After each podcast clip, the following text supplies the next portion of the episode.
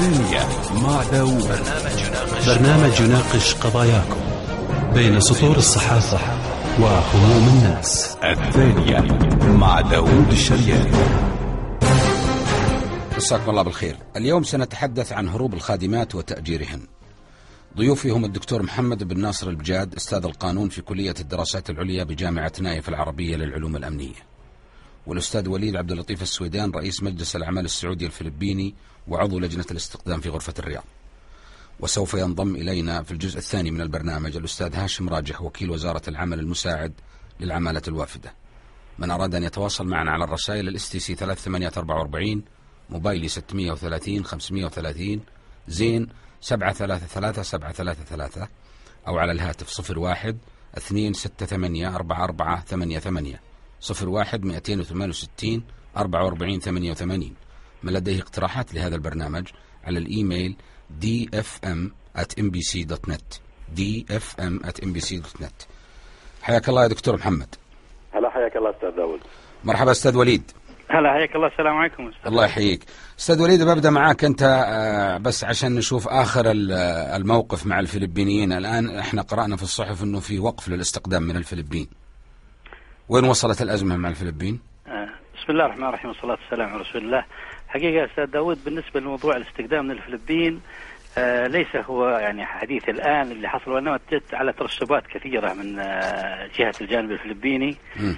لطلبهم أشياء آه بالنسبة عند استخدام العمالة خاصة العمالة المنزلية من موضع الكروك البيت وعدد أفراد أسرة والدخل و آه، يعني آه، كانهم بيناسبونك يا بيناسبونك ما هم شغلين عندك. مو مو مناسبونك بس يعني يعني أنت لو حتى لو تروح يناسبك يعني يقولون فلان ودي فلان خلاص بس هذول يعني إيه إيه إيه. صور حتى صور المدام وصور العي- العيال إنه تحديد الراتب 400 دولار.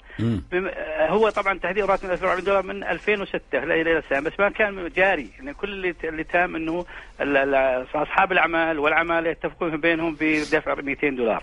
بالضبط وهذه ماشية الأمور كلها من السنوات هذه كلها مم. بس اللي أثارها إنه قلت طلب الأشياء هذه هي اللي أثارت الجهات المعنية عندنا مم. ما أدت إلى إصدار وزارة العمل لإيقاف ال- هل هل هل ال- الفلبينيين كلهم على قلب رجل واحد ولا النقابات عندها رأي والحكومة عندها رأي؟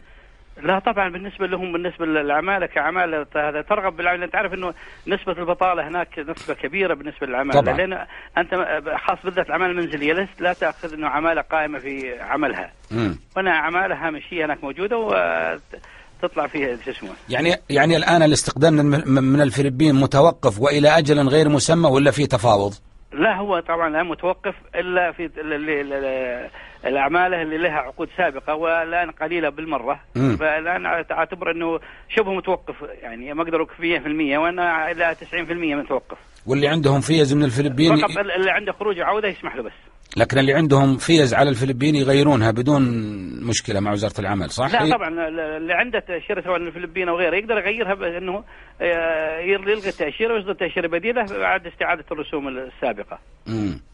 طيب آه الآن أنتم أنتم في الغرفة التجارية مسؤولين عن عن آه، مكاتب الخدمات هذه على نحو ما مكاتب الاستخدام قصدك؟ مكاتب الاستقدام نعم. فهذا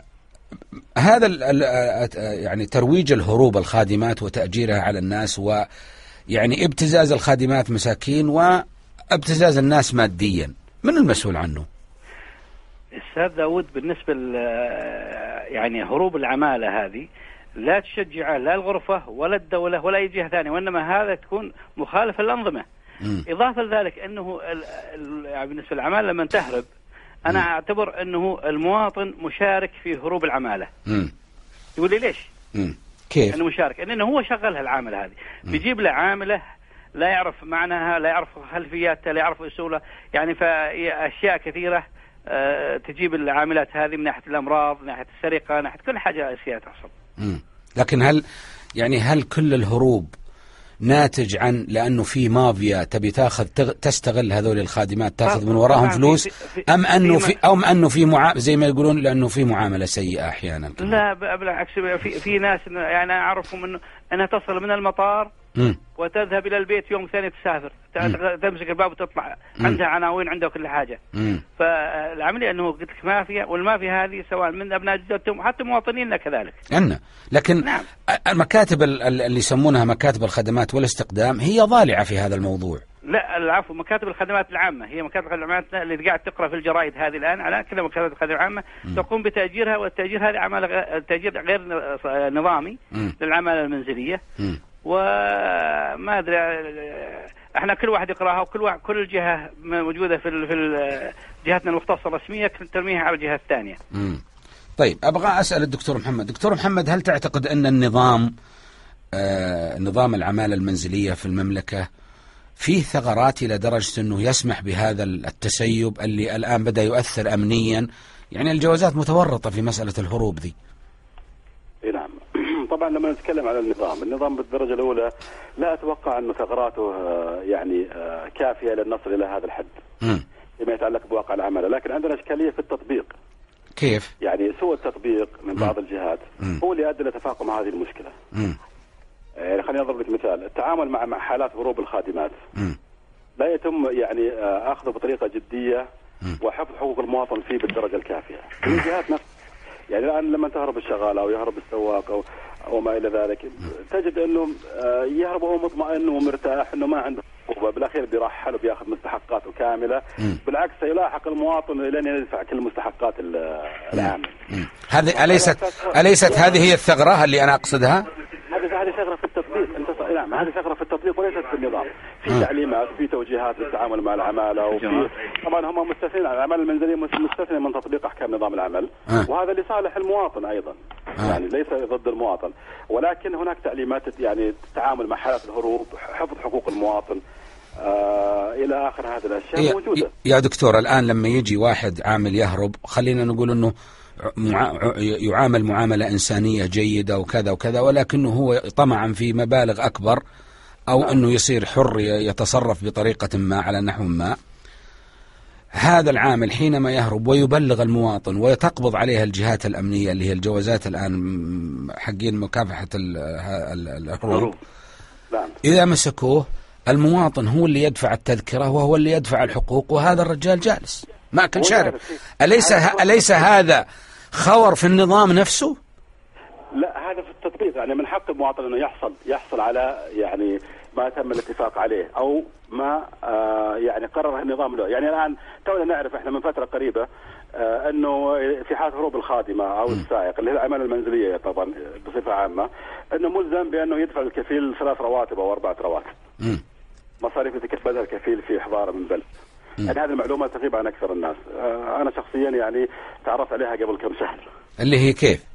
انه مثلا آه، ملزم ملزم العامل أو العامله المنزليه إنها تدفع ثلاثة أو أربع رواتب آه، مقابل استخدامها وتعويض كتعويض الكفيل قبل ما تسافر. مم. طيب إذا كان إذا كانت العمالة يعني تحول آه، مستحقاتها أول بأول أنا أول أنا أول مرة أسمع الفقرة ذي لا موجود هذا النظام موجود وين موجود؟ ملزم ملزم يسفر على حسابه على الأقل يدفع تكاليف لثلاث رواتب أو أربع رواتب من حق الكفيل. إحنا اللي قاعدين نشوفه إنه الناس يعني يدفعون المبالغ أمس هذا اللي تفضلت انت قاعد. تشوفه اللي هو اثنين السيء. ورقتين. التطبيق التطبيق السيء لل- للنظام يعني لكن في في قرارات تنص على مثل هذه الأشياء وبالتالي ها- فيها حفظ هذه لحقوق المواطن. لكن التطبيق آه لكن لكن التطبيق الفعلي يعني لا- اذا هربت الخادمة آه. آه، وبعد فترة كلموا قالوا حصلناها مثلا في الترحيل في هذه الحالة آه، من يدفع عنها ثلاث رواتب هذه؟ اي بس لم يعني يعني هذه نقطة أيضا من ناحية من الجانب الفعلي أيضا صعب تطبيقها ما يحميك ما يحمونك الجهات الرسمية في هذا الموضوع أنا أنا هذا قصدي يعني يعني يعني مش م... م... آه نعرف إنه في ناس مفرطين في عصابات تهرب من سعوديين وغير سعوديين فيه. فيه فيه مضايقات لبعض الخادمات فهي تهرب نظرا للبيئه السيئة اللي تعيش فيها في عوامل مش كثيرة موجودة. لكن في المحصلة فيه نظام يحمي البلد. أنا مع أنا أتكلم عن حماية المجتمع ككل. حماية المجتمع آه، ك- كتطبيق سيئة جدا يعني ليست كافية. آه. من من هو من هو في رأيك أنت اللي مقصر في التنفيذ هنا؟ الجهات التنفيذية. من هي يعني، الجهات؟ آه، من تقصد أنت بالجهات التنفيذية؟ الج... الترحيل، الجوازات، وزارة العمل مين؟ لا خلينا ننطلق من إن المواطن له حق آه، حق على هذا الخادم أو الخادمة. إيه. الحق من يحصل حقوقك؟ مم. الجهات اللي معنية بتحصيل الحقوق. يعني يفترض بدل ما يجيبونك في الترحيل يقول لك يلا ادفع ادفع تذكرتها وخلها تسافر أو ادفع تذكرة السائق وخليه يسافر وهو هربان له سنتين وجالس يشتغل مثلا بضعف راتب. ما ينظرون للأمور هذه كلها. ينظرون إنه كفيل إن أنت مكفول وهرب وبالتالي أنت تسافر وتجيب تذكرة. طيب. آه، ورحله د- طيب أنا لي حقوق ضد الشخص هذا؟ كيف احصلها؟ طيب. تجد إجابة صامتة يعني. مم. دكتور دكتور محمد آه، أستاذ وليد سأتوقف لفاصل ثم نكمل الحوار. تفضل. الثانية مع داوود.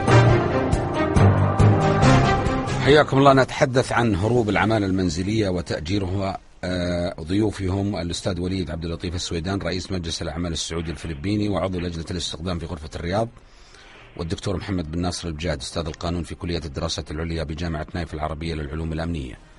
من أراد أن يتواصل معنا على الرسائل ال STC ثلاث ثمانيات 44 موبايلي 630 530 زين 733 733 أو على الهاتف 01 2 6 8 4 4 8 8 آه، دكتور محمد أبغى أرجع لك. أنا يعني ك... أنت تعتقد أنه فيه إشكالية لتداخل تداخل الجهات في المسؤولية عن هذا الملف؟ آه، في. في واحد يرخص اللي هي وزارة العمل أو يمنح التأشيرات وفي جهة تتولى مطاردة من يهرب اللي هم الجوازات وليس عندها أي صلاحيات الجوازات غير هذا. آه، في في مشكلة زي ما تفضلت في تداخل الجهات وفي تداخل اختصاصاتها. مم. آه، مشكلة التداخل ليست مشكلة بحد ذاتها لأنه كثير جهات تتداخل اختصاصاتها لكن في نوع من التنسيق. في أمور كثيرة في في تنظيم المجتمع لكن بالنسبة للعمل مثلا وزارة العمل مسؤولة عن التأشيرات. الجوازات مسؤولة أيضا عن آه الإقامات وما والتصريح لهم بالإقامة وما إلى ذلك. آه أي جريمة يرتكبها الشخص هناك أيضا جهات تتدخل في فهذا شيء طبيعي إلى حد ما لكنه بالنسبة للمملكة هنا بالنسبة لوضع هروب الخادمات أو هروب الع- العماله المنزلية بمعنى صح بنوعها الرجاليه والنسائيه يفاقم من كونه إشكالية كبيرة اللي هو ضعف التنسيق بين هذه الجهات. والضحية الوحيدة بالأخير حقوق المواطن. وهذا يعطي ميزة في المقابل للأجنبي إنه يعمل على كيفه. يعني آه زي ما تفضل الاخوان قبل شوي قال أخ وليد إنه ممكن من المطار تأتي الخادمة أو السائق وما يروح كفيله أصلا. هناك من يستقبل من يأوي من يقوم بتشغيله واستغلاله في آه في أمور عديدة. ولا ننسى أيضا هروب العماله المنزلية له بعد أمني أيضا. نعم. يعني ومهم جدا البعد الأمني في الموضوع بعد أمني بعد فساد اجتماعي في أشياء كثيرة وراه كثيرة وراه إيه؟ وبالتالي يعني الموضوع هذا متروك بدون تنظيم جدي لحد الآن. مم. يعني لما تروح تشوف أو تراجع أي جهة لها علاقة بهذا الموضوع تجدها تبذل جهدها. ولكن الجهود آه، عدم التنسيق الجهود هو اللي سبب الإشكالية هذه. مم. طيب. فيجب تنسيق الجهود.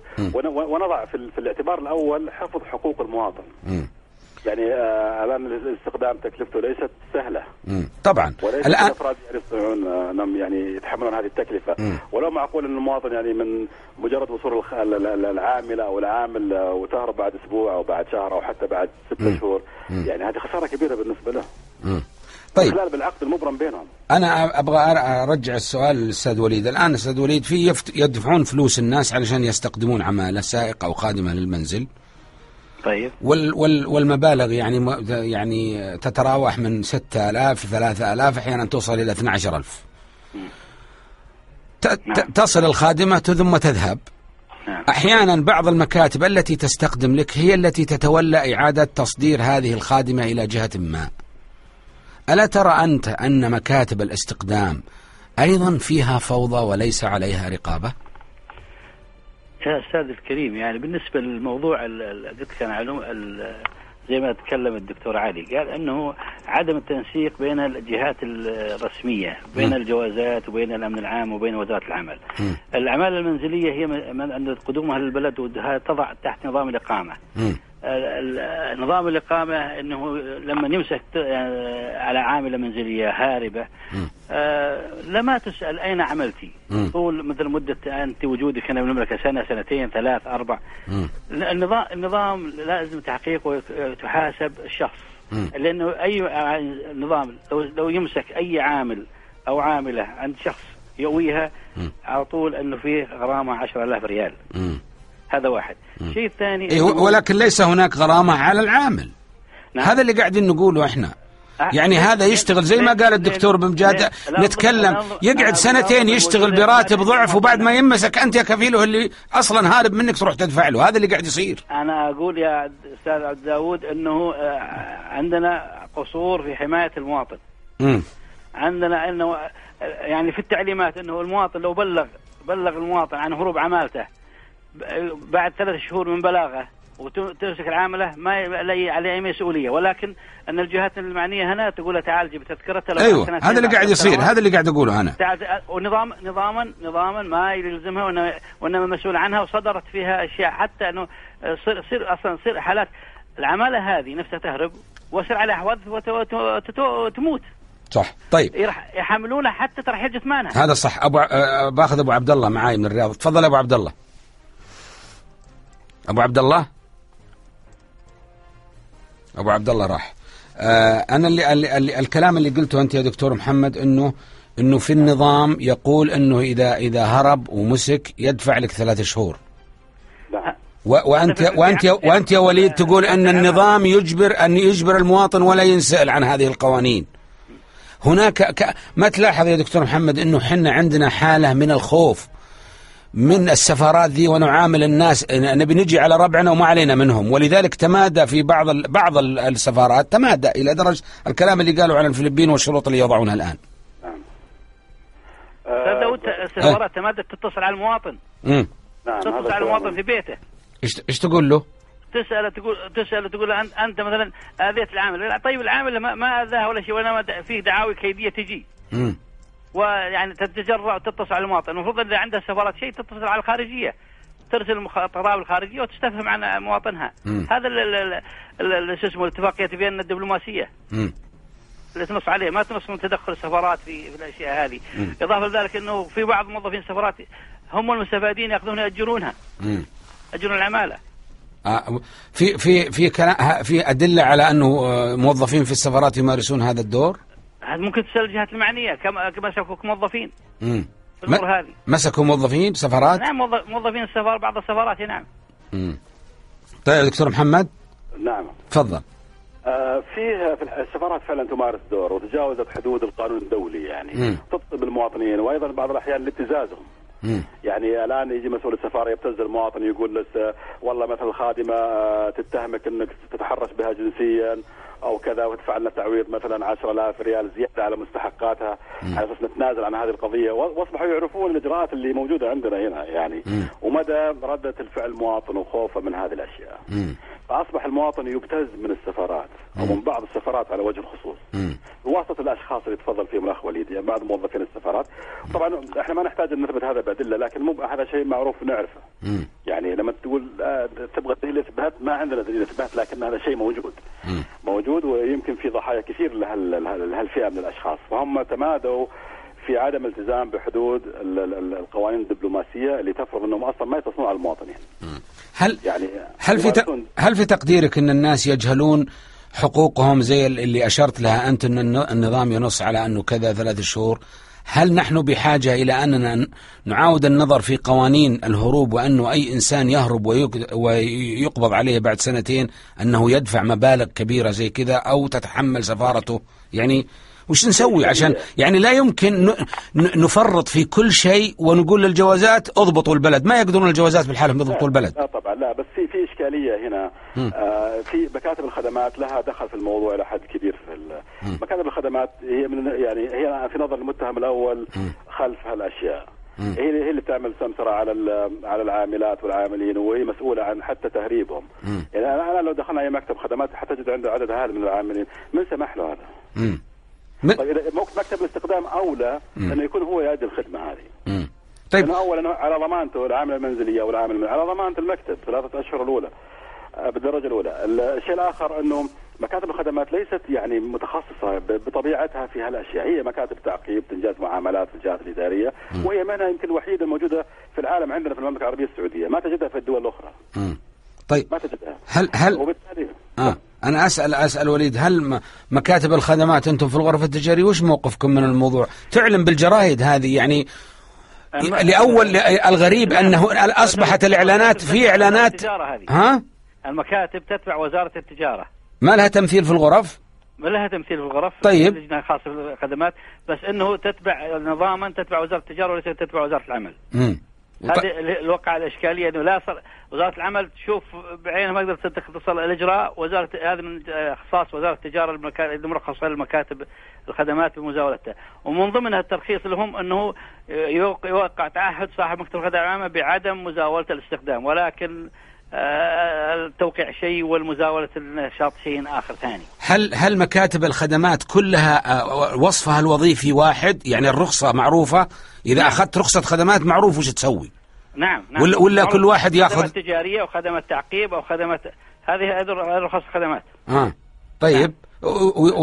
ويعني آه، يعني الفرجة ذي على اللي يجري لمتى تستمر؟ الآن ذول يعنون بالصحف وهم غير مرخصين. أنا بص يعني إحنا قابلنا كذلك حتى أنا أنا شخصيا مع إخوان قابلنا آه، المسؤولين في الصحف في الجزيرة وفي الرياض وفي في الصحافة أنه لا يعلن إلا عنده ترخيص في الأشياء هذه. وجلسوا فترة ما أعلنوا ولا رجعوا لأن يقول كان هذا مادة إعلانية الصحافة. مم. هذه مادة إعلانية استبعد عندها ووزارة التجارة تقراها زي ما يقراها أي واحد ولا يتخذ فيها اجراء ويضعون تليفوناتهم ومكاتبهم وكل شيء موجود عندهم. أنت دكتور محمد أنت شايف هذا الوضع يعني يدخل رأسك الكلام ذا لا طبعا لا. هذا مش يعني يعني هذا هذا الهروب قاعدين إحنا نتفرج في- مشاكل قاعدة تصير عندنا ونلوك فيها نلوك فيها وهي غير منطقية.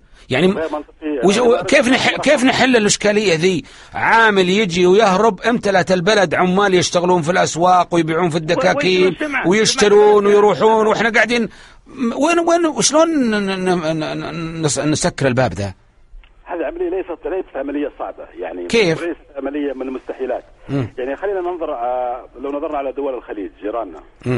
آه، بيئتنا واحدة وثقافتنا واحدة وإحنا جزء واحد مم. هل عندهم نفس المشكلة؟ لكن عندهم أنظمة صارمة تحمي المواطن وتحمي العامل في نفس الوقت وتحمي الحق العام مم.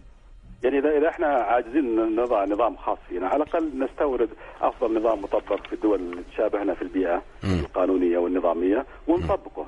مم. ما تجد هذه المشاكل الموجودة هناك. ليه؟ لأنه آه، في نظام واضح، هنا تنازع الاختصاصات هو الاشكاليه، أنا ما أقدر أطالب الجوازات إنها تكون آه، معها عصا موسى أو العصا السحرية اللي آه، بمجرد لمسة تغير الوضع، الجوازات اختصاصها معروف. بإيش يعني؟ ولا ولا ألومها أنا ولا أحملها لا لا. إيه، الجواز الجوازات تحاول أن تعالج أخطاء الآخرين والبلد والمواطنين أو والمدن. خلينا نقول تر- ترجع يعني. أيوه هي قاعدة ترجع لكن هذا ليس ذنب الجوازات على أي لا حال. ليس ذنب الجواز شا- لكن أنا أقل مثال الآن. مكاتب الخدمات هذه تشتغل من دون تنظيم واضح وهي بؤرة آه، في نظري الشخصي هي بؤرة هذه المشكلة.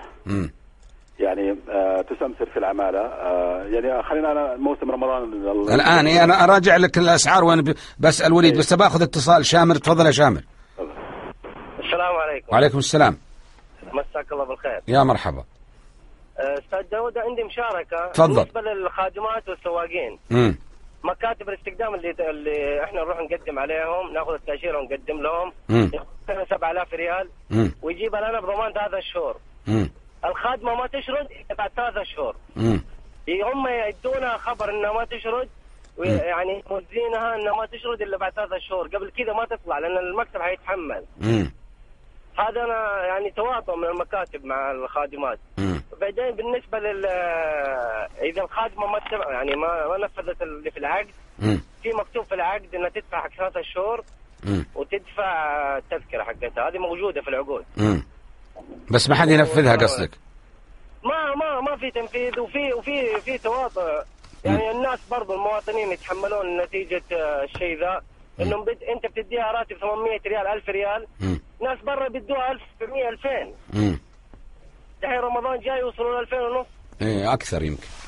شكرا لك يا شامر كذا هم يشردوا ش- هلا الله شكرا. لك يا شامر سأتوقف لفاصل ثم نكمل الحوار. الثانية مع داوود. حياكم الله. نتحدث عن هروب العمالة المنزلية وتأجيرهم ضيوفي هم الدكتور محمد بن ناصر البجاد أستاذ القانون في كلية الدراسات العليا بجامعة نايف العربية للعلوم الأمنية والأستاذ وليد عبد اللطيف السويدان رئيس مجلس الأعمال السعودي الفلبيني وعضو لجنة الاستقدام في غرفة الرياض. من أراد أن يتواصل معنا على الرسائل ال STC 3844 موبايلي 630 530 وزين 733 733 أو على الهاتف صفر واحد اثنين ستة ثمانية أربعة أربعة ثمانية ثمانية. صفر واحد مئتين وثمانية وستين أربعة وأربعين ثمانية وثمانين آه، أستاذ وليد آه، يمكن سمعت أنت كلام الأخ آه، شامر هذا لما قال أنه مكاتب الاستقدام تحدد ثلاثة أشهر وسبحان الله بعد ثلاثة أشهر تهرب. الرسائل طيب. الرسائل اللي عندي كلها هنا تتحدث عن زي ما اشار هو نعم. المتصل أن هناك حالة من فيه تواطؤ بين مكاتب الاستقدام. هذا يقول لك إنه لاحظ إن مكاتب الاستقدام إذا تأخروا عليك يعطونك شغالة من عندهم معناته هم عندهم شيء للتأجير. هذا يعني انهم بعضهم أنا ما اعمم بعضهم. يعني شوف لو ي... لو تجي الدولة وتسن قوانين الأرض وإذا الجوازات تجند كلها وال... والشرطة والعالم ما تبي تنضبط مش حتضبط الشرطة أحد. صح. صح؟ صح معك م... م- ممكن مستحيل الأمن نعم. يقدر إذا في ناس تواطوا على الفساد. نعم نعم. ها. كيف؟ يا أستاذ الكريم بالنسبة للتعليمات بالنسبة الشديده بالنسبة للمكاتب لعدم إيواء أي عامل عندهم في في مكاتبهم هذا واحد. الشيء الثاني إنه ما هي مصلحة المكاتب عندما يعني تهرب هل العامله تهرب مثلا للمكتب؟ وإنما هذا قلت لك أنا في اتفاقات مسبقة بين عصابات موجودة. في البلد. مم. هذه هي تؤدي إلى هروب العمالة. بس أنه من هو يؤوي العمالة ويشغلها. يعني مكاتب الاستقدام ما لها ذنب؟ لا لا مكاتب ما ما أشوف لها ذنب إحنا نمارس هذا ما أشوف لنا ذنب في الأمور هذه بس أنا أقول من هو يؤوي العمالة ويشغلها يعني مكاتب الاست... المستفاد. أنت تبي تبري مكاتب الاستقدام ومصايب الناس كلها من مكاتب الاستقدام يا وليد؟ يا مو قضية. لأنك أنت أنا- قاعد تمثلهم هنا الآن. داود هذا انه من يشغل العمالة ها؟ العماله من يشغلها؟ هم اللي مكاتب الاستخدام تشغلها تستفيد من تأخذها منك وتعطيها الثاني و... الآن في رمضان أنت عارف إنه في رمضان الآن موسم وأن نعم. الناس صاروا يدفعون ثلاثة آلاف وأربعة آلاف. هذا مضطر. عنده مريض عنده أطفال. وش يسوي؟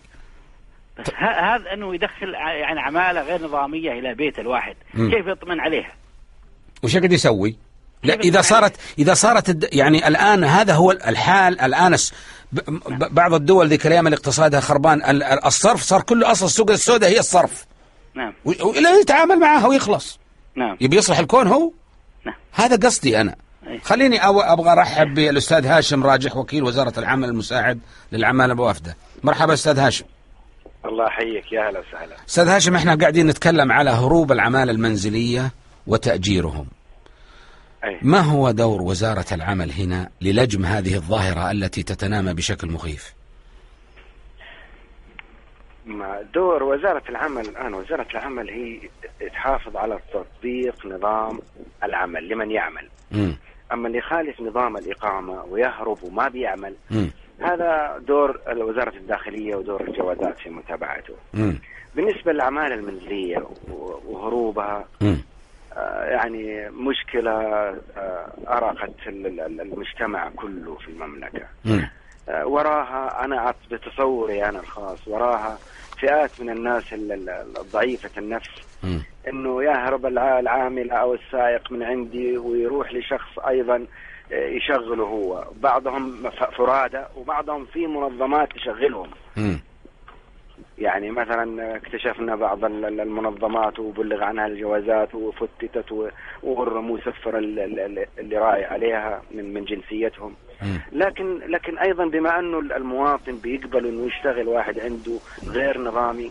هنا المشكلة هنا المشكلة ما بيننا إحنا كمجتمع يفترض أنا ما أقبل واحد يشتغل عندي غير نظامي هذا لما يهرب من عندك أنت ويجيني أنا ما أقبله حيرجع يضطر إنه يرجع لك. بس بس لكن لما يحصل من يشغله براتب أكثر أو بنفس الراتب حتى. مم. آه هنا بس- هنا الإشكالية. بس يعني دائما لما لما يصير واحد يقول لك اللي صار النظام ما يحميني أنا ما بيحمي النظام بعد. يعني أيضا هذا الذي يستقدم ويدفع 12 ألف ريال ويلعب عليه مكتب الاستقدام وبعد ثلاثة أشهر تروح الخدامة هو حيحل مشكلته بدل ما يدفع 12 ألف يقول الله أنا ادور لي واحد ب 1005 وأخلص. يعني هي هي كأنها تعرف أنت الخطأ يجر الخطأ مثل الكذب كم كم نسبة هذه؟ العال الآن في رمضان أنت أنت حتشوف رمضان الآن العمالة الأفريقية اللي موجودة تتكاثر بالرياض وصار لها سماسرة وتلفونات تتبادل وتشتريهم وين وتاخذ امننا إحنا وين وين عن عن السماسرة هذول؟ يعني أنا أنا مرة واحد جاب لي آه، و- ورقة فيها أرقام تلاقاها من تحت البيت آه، شخص يأج- يؤجر العمالة باليوم بالشهر بال- بالأسبوع بال أيوه يوم إحنا اتصلنا عليه وعرفناه وأرسلنا له ال- ال- الجهات الأمنية مم. آه، بعدها بأسبوع رجع كلم أو أسبوعين رجع كلم وهو ما سافر من البلد. ف ف يعني يبغى لها تكاتف. من مني ومنك ومن الجهة الحكومية هذه ومن الجهة الحكومية هذه للتذليل الصعب هذا عشان ما يجلس في بلدنا الفاسد اللي قاعد يفسد علي وعليك. طيب الآن أبغى بطلع أنا من موضوع من الواضح شوف أنا أتفق معك أنا أتفق معك أن ما يجري أنا متفق معك يا أستاذ هاشم أن ما يجري في البلد في فساد في تواطؤ في الفساد من منا كلنا. لكن أبغى أرجع أليس أنتم وزارة العمل أليس هناك يعني فيه ضعف في النظام أتاح إلى فتح الباب إلى هذا الفساد؟ نظام العمل نفسه؟ ما نظام العمل ما في نظام العمل قوي بس تطبيق أنا أقصد العمل- نظام العمالة المنزلية. لكن نظام العمالة المنزلية حتى الآن لم يصدر. أيوه هذا قصدي. هناك خلل نظام العمالة المنزلية؟ في في مج- في مجلس الشورى لكن مم. الوزارة العمل استشعرت إنه هذا حيتأخر. ومعالي وزير العمل الحالي ال- ال- المهندس سعاد الفقيه. استصدر نظام الآن بإنشاء شركات للعمل للعمالة وتأجير العمالة تأجير مو العمالة تأجير خدمات العمالة أيوه والنظام الآن صدر وما صدر من 20 يوم تقريبا الآن وأعطى فرصة لمكاتب الاستخدام الأهلية مم. إنها خلال ست شهور إن لم تستطع بقيام خمس شركات كبيرة أيوة. تتحالف. رأس المال ال- اي. رأس مال الشركة الواحدة 100 مليون مم. إذا لم تستطع خلال ست شهور سوف يعطي اعاز لرجال الأعمال لدخول إنشاء هذه الشركات. مم. و و و وال والخدمات العمالة الآن التي تؤجر في البيوت الاتفاق هو على 1200 ريال في شاملها التأمين الصحي. أيوه. أي هذه هذه الشركات لو انشات سعر حدة التأجير، السعر. تأجير الخدمة. أيوة أنا آخذ خادمة لبيتي بأعطي ألف شهر لا أسفر ولا آخذ ولا أعالج. ولا أنت مالك إلا ولد يقرأ. أيوة هو يجي لي في البيت. إن حتى إن ما عجبتك أو ما قامت بال- بالدور اللي مكتوب بالعقد تعيدها للشركة والشركة تعطيك واحدة ثانية. متى سيبدأ هذا تطبيق هذا النظام؟ هذا النظام آه، الآن صدر في أعطاه أعطى فرصة لل- لل- لل- لمكاتب الاستخدام الأهلية ستة شهور لقيام هذه الشركات اللي هم أعاق. مم. من غيرهم. إذا لم يستطيعوا بقيام هذه الشركات سوف يدخل آه، السماح للقطاع الخاص بإنشاء هذه هل النظام اللي صدر الآن يخول لوزير العمل أنه إذا واحد من مكاتب الاستقدام ما تضامنوا واتحدوا وسووا شركات كبيرة قوية ومنظمة وممكن يغلق هذول حيغلقون الدكاكين ذي لا ما يغلق لا هو ها. أعطاهم فرصة أعطاهم فرصة لثلاثة شهور اللي ما يدخل بالتضامن طيب. مع بعضهم عشان يسووا أعطاهم فرصة إنهم. فقط في التوسط في توسط في الاستخدام يعني ما نبني يحق له تأجير ما, ي... ما يحق له تأجير الخدمات. بس حنبقى- هم أرباحهم كلها في التأجير. ماشي بس أنا أعتقد أنه وجودهم سيبقى سيبقي المشكلة يا أستاذ هاشم. المفروض أنه إحنا نسكر المكاتب ونجيب شركات كبيرة لها نظام ولها موظفين كبار نعرفهم. ها؟ هو لا أنا وإنت وأي واحد في البلد بيروح للشخص اللي اللي عنده مصلحته اللي يحقق له مطالبه مم. أنا لما أحصل شركة كبيرة وعندها ال- القوة وعندها ال- ال- ال- ال- الدعم المالي إنها تعوضني في أي وقت وعندها شركة تأمين تضمن لي حقوقي. ما بروح للمكتب استخدام أهلي مم. بروح للقوي مم. طيب هل هل فهم بدون لا يوقفهم الوزير بدون ما توقفهم الدولة هم حينسحبوا من السوق طيب بس أستاذ هاشم ألا تعتقد أن هذا تنظيم جيد ان ان إن أغلقت الم- الدكاكين اللي اللي تجيب لنا الصداع ذي لكن أنا أسأل هذا النظام سيكون بديلا من نظام العمالة المنزلية أم أن من نظام العمالة المنزلية أستاذ أريد سيصدر؟ ما يهون السامعين أستاذ اريد ما يهون الصداع آه. ليست من مكاتب الاستخدام الأهلية مم. الصداع من مكاتب الخدمات التي تدخل في مجال استخدام العمالة وتأجير العمالة مم. خدمات مكاتب الخدمات اللي اللي اللي تأخذ رخصها من وزارة التجارة مم. ولا ولا وزارة العمل ليس لها سيطرة عليها لأنه إحنا في وزارة العمل عند تأمين من كل مكتب مم. أي مواطن يجي يشتكي من آه، الخلاف على العقد الموحد أو الخلاف على يعطى آه، يسترد بكامل حقه وإنت أخرت الخدامة ما حضرت يا- يأخذ عن كل يوم تأخير 30 ريال مم. من الضمان ما- لكن هذول هذول مكاتب مكاتب ال- الخدمات اللي قاعدين يسوون يعلنون بالجرايد ويتاجرون ب- بالبشر. من ممنوعين دول مين مين المفروض يمد يوقفهم؟ وزارة التجارة هيتكلم وليد إنه يقول هو وزارة التجاره التجارة اللي منحتهم التراخيص. وهم ممنوعين من قبل وزارة التجارة بالاعلان بالجرايد لكن عاد مين مين مين يحمي النظام على قولك؟ النظام موجود. يعني هذا أنا أنا أنا أتكلم على أشوف البيروقراطية لما تكبر في البلد. يعني معقولة انه وزارة التجارة ووزارة العمل ما ما يتفاهمون مع بعض يقولون والجوازات يقول يجلسون على الطاوله يقول تعال نشوف خلينا نشوف المشكلة. انت تصلح كذا وأنا اصلح كذا وتعال نتفاهم.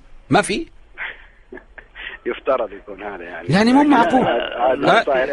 دكتور محمد ها؟ ممكن ادخل الموضوع تفضل تفضل. في في بالنسبة اسمه طبعا هروب العمالة هي كانت موكلة إلى اسمه القطاع الأمني الامن العام م. وممثله في الإدارة عمل الجوازات ولكن وقعوا ترحيب. محضر بين الجوازات وبين وزارة العمل اوكلوا مهمة متابعة أعمال الهاربة إلى ال- إلى وزارة العمل. نعم السؤال وزارة العمل هل عندها ال- ال- الأماكن لايواء العماله؟ هذا هذا سؤال ممتاز أنا سأتوقف.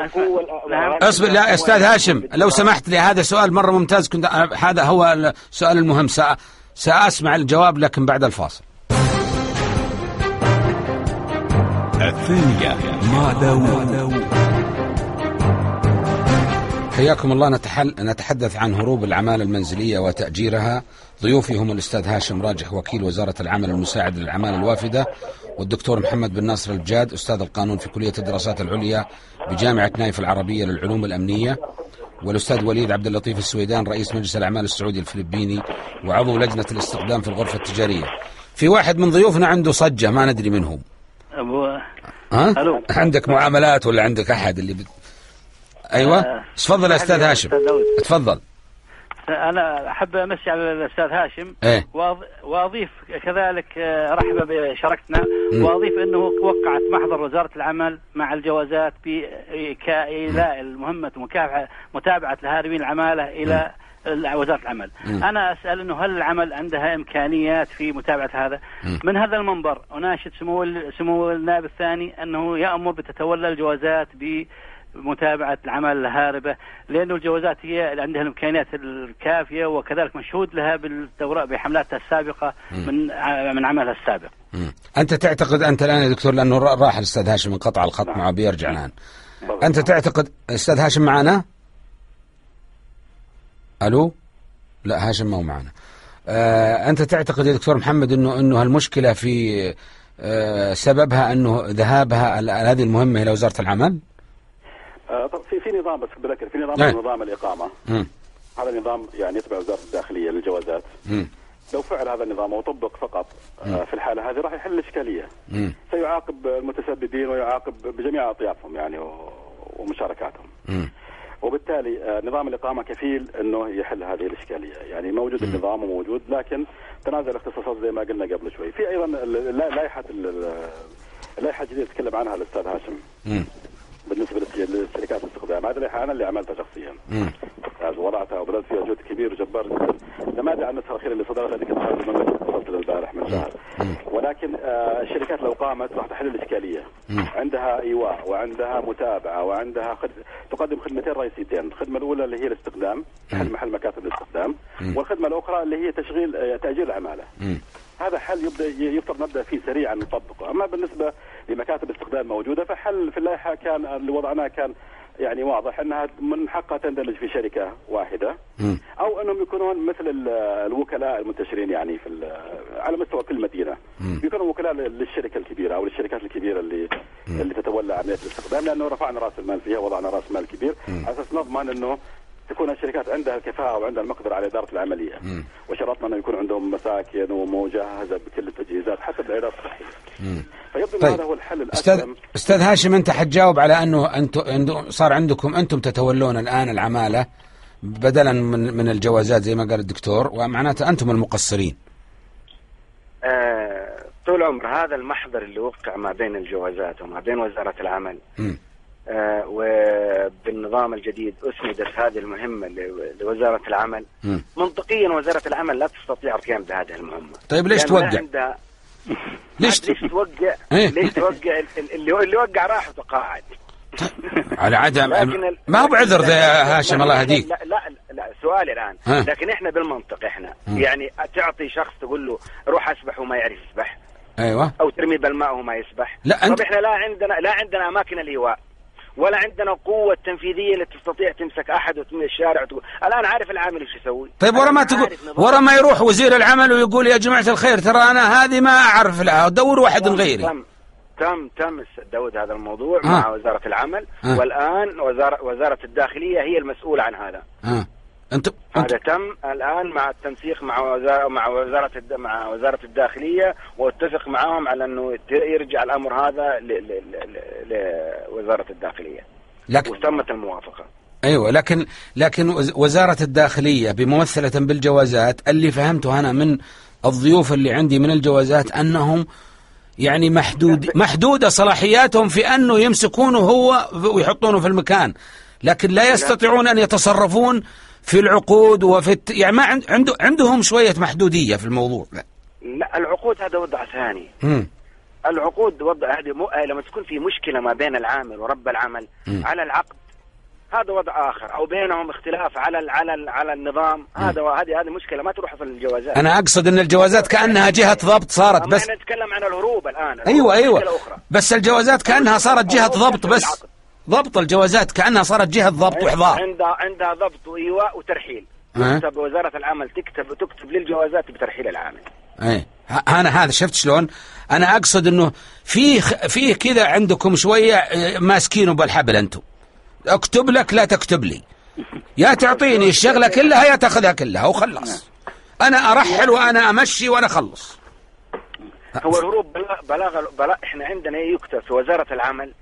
بلاغ بالتغيب عن العمل. شهادة تغيب عن العمل هذه تروح للجوازات اللي أعطاها الجوازات حرية في عملية إذا إذا قبض على الهارب. تسفيره.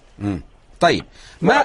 ما حقيقة يا أستاذ هاشم أن النظام يظلم السعودي على حساب ولذلك صار في أجانب فلتانين في البلد يشتغلون مهن خاصة وكذا وهم هاربين ما حقيقة أن النظام أو العقود أو النظام العمل سمه ما شئت أنه يأتي على حساب المواطن لصالح هذا الذي يهرب ويأخذ أضعاف ما كان يأخذ ثم إذا قبض عليه يتحمل هذا المواطن المسكين وزره. النظام ما- النظام ما هو ما في هذا الكلام ما صحيح هذا الكلام. طيب إيش الناس يكذبون؟ إذا مسكت الجوازات ينادون الجوازات ينادونك يقولون جبت تذكرته معك. أستاذ داود أنت تقول النظام النظام ما هو ظالم أحد ابدا أجل لا هو ظالم الوافد ولا هو ظالم السعودي ولا هو ظا- ظالم رب العمل ولا هو ظا- ظالم العامل مم. النظام النظام على الكل سواء عامل سعودي أو عامل أجنبي.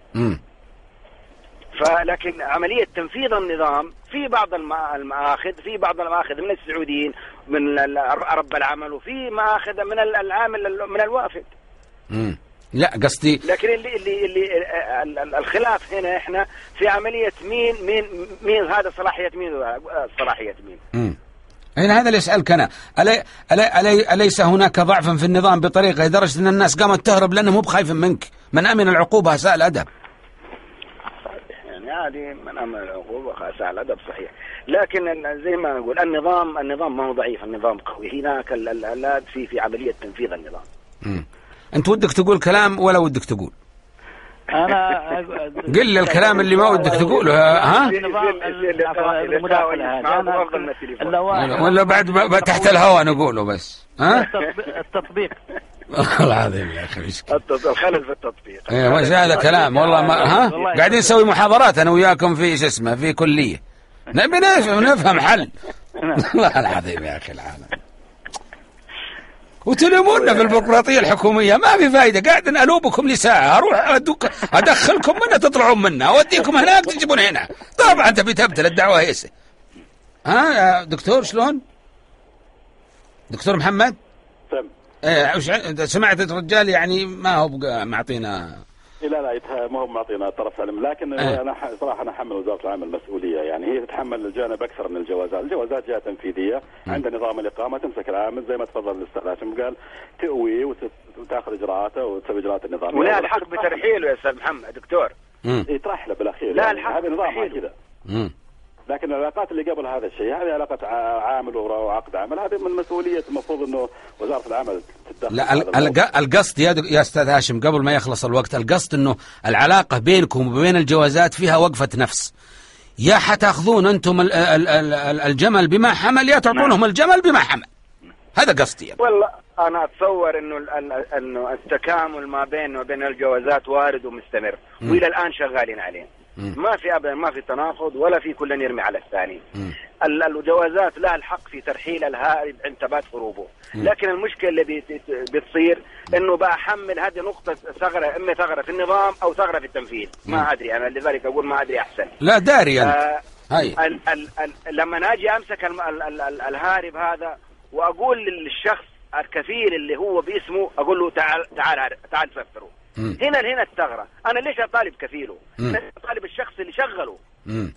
آه. هنا أنا أتصور إنه في ظلم على على على على على, على صاحب العمل مم.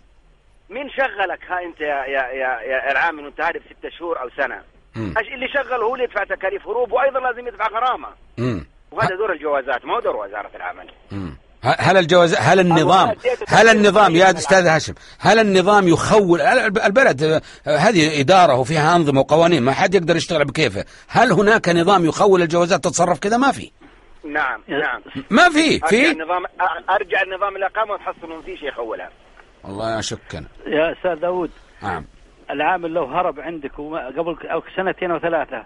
وطلب من عندك إنه مراجعة الإدارة المعنية و- إذا قلت أنا طبقوا النظام عليه وسالوا وين هارب. مم. راسا على طول وضعوا اسمك في الحاسب الآلي ومنعوا كل الخدمات عنك. شفت؟ انت تظلم ه- هذا الكلام الصحيح. هذا الكلام اللي كاتبينه هذا الناس الكلام هنا. اللي تظلم صاحب العمل. أيوه. مين اللي يوضع نفس آه، اسمه الجوازات؟ اللي- الحاسب. اللي هارب من العامل حقه. صاحب العمل نفسه. مم. صاحب العمل ما يضع اللي شغل العامل. صاحب العمل مش اللي شغله. اي صاحب العمل يوضع اسمه يعني مع إنه يهرب عامله يروح يجازى. بالضبط. ها. وهذه حالة هذه ما. عمرها مرت أنا علي حالة مثل هذه آه. أنا سائل الجوازات لماذا يسأل الكفيل لماذا لا يسأل تدري أب... يس- يس- أنا أقول لك. أقول الوقت خلص بس أنا أتمنى يا حقين وزارة العمل أنتم حقين الجوازات يهديكم الله تقعدون مع بعض وتحلون مشكلتنا لأن مشكلتنا بينكم نعم إن. شاء الله تحدثنا اليوم عن هروب العمالة وتأجيرها كانوا ضيوفي الاستاذ هاشم راجح وكيل وزارة العمل المساعد للأعمال الوافدة والدكتور محمد بن ناصر البجاد أستاذ القانون في كلية الدراسات العليا بجامعة نايف العربية للعلوم الأمنية والأستاذ وليد عبد اللطيف السويدان رئيس مجلس الأعمال السعودي الفلبيني وعضو مكتب لجنة الاستقدام في غرفة الرياض. ألتقيكم بإذن الله. غدا تمشوا على خير. الثانية مع داوود برنامج يناقش قضاياكم بين سطور الصحافة وهموم الناس. الثانية مع داوود الشريان. بإمكانكم إعادة الاستماع لهذه الحلقة على موقعنا mbc.net/داود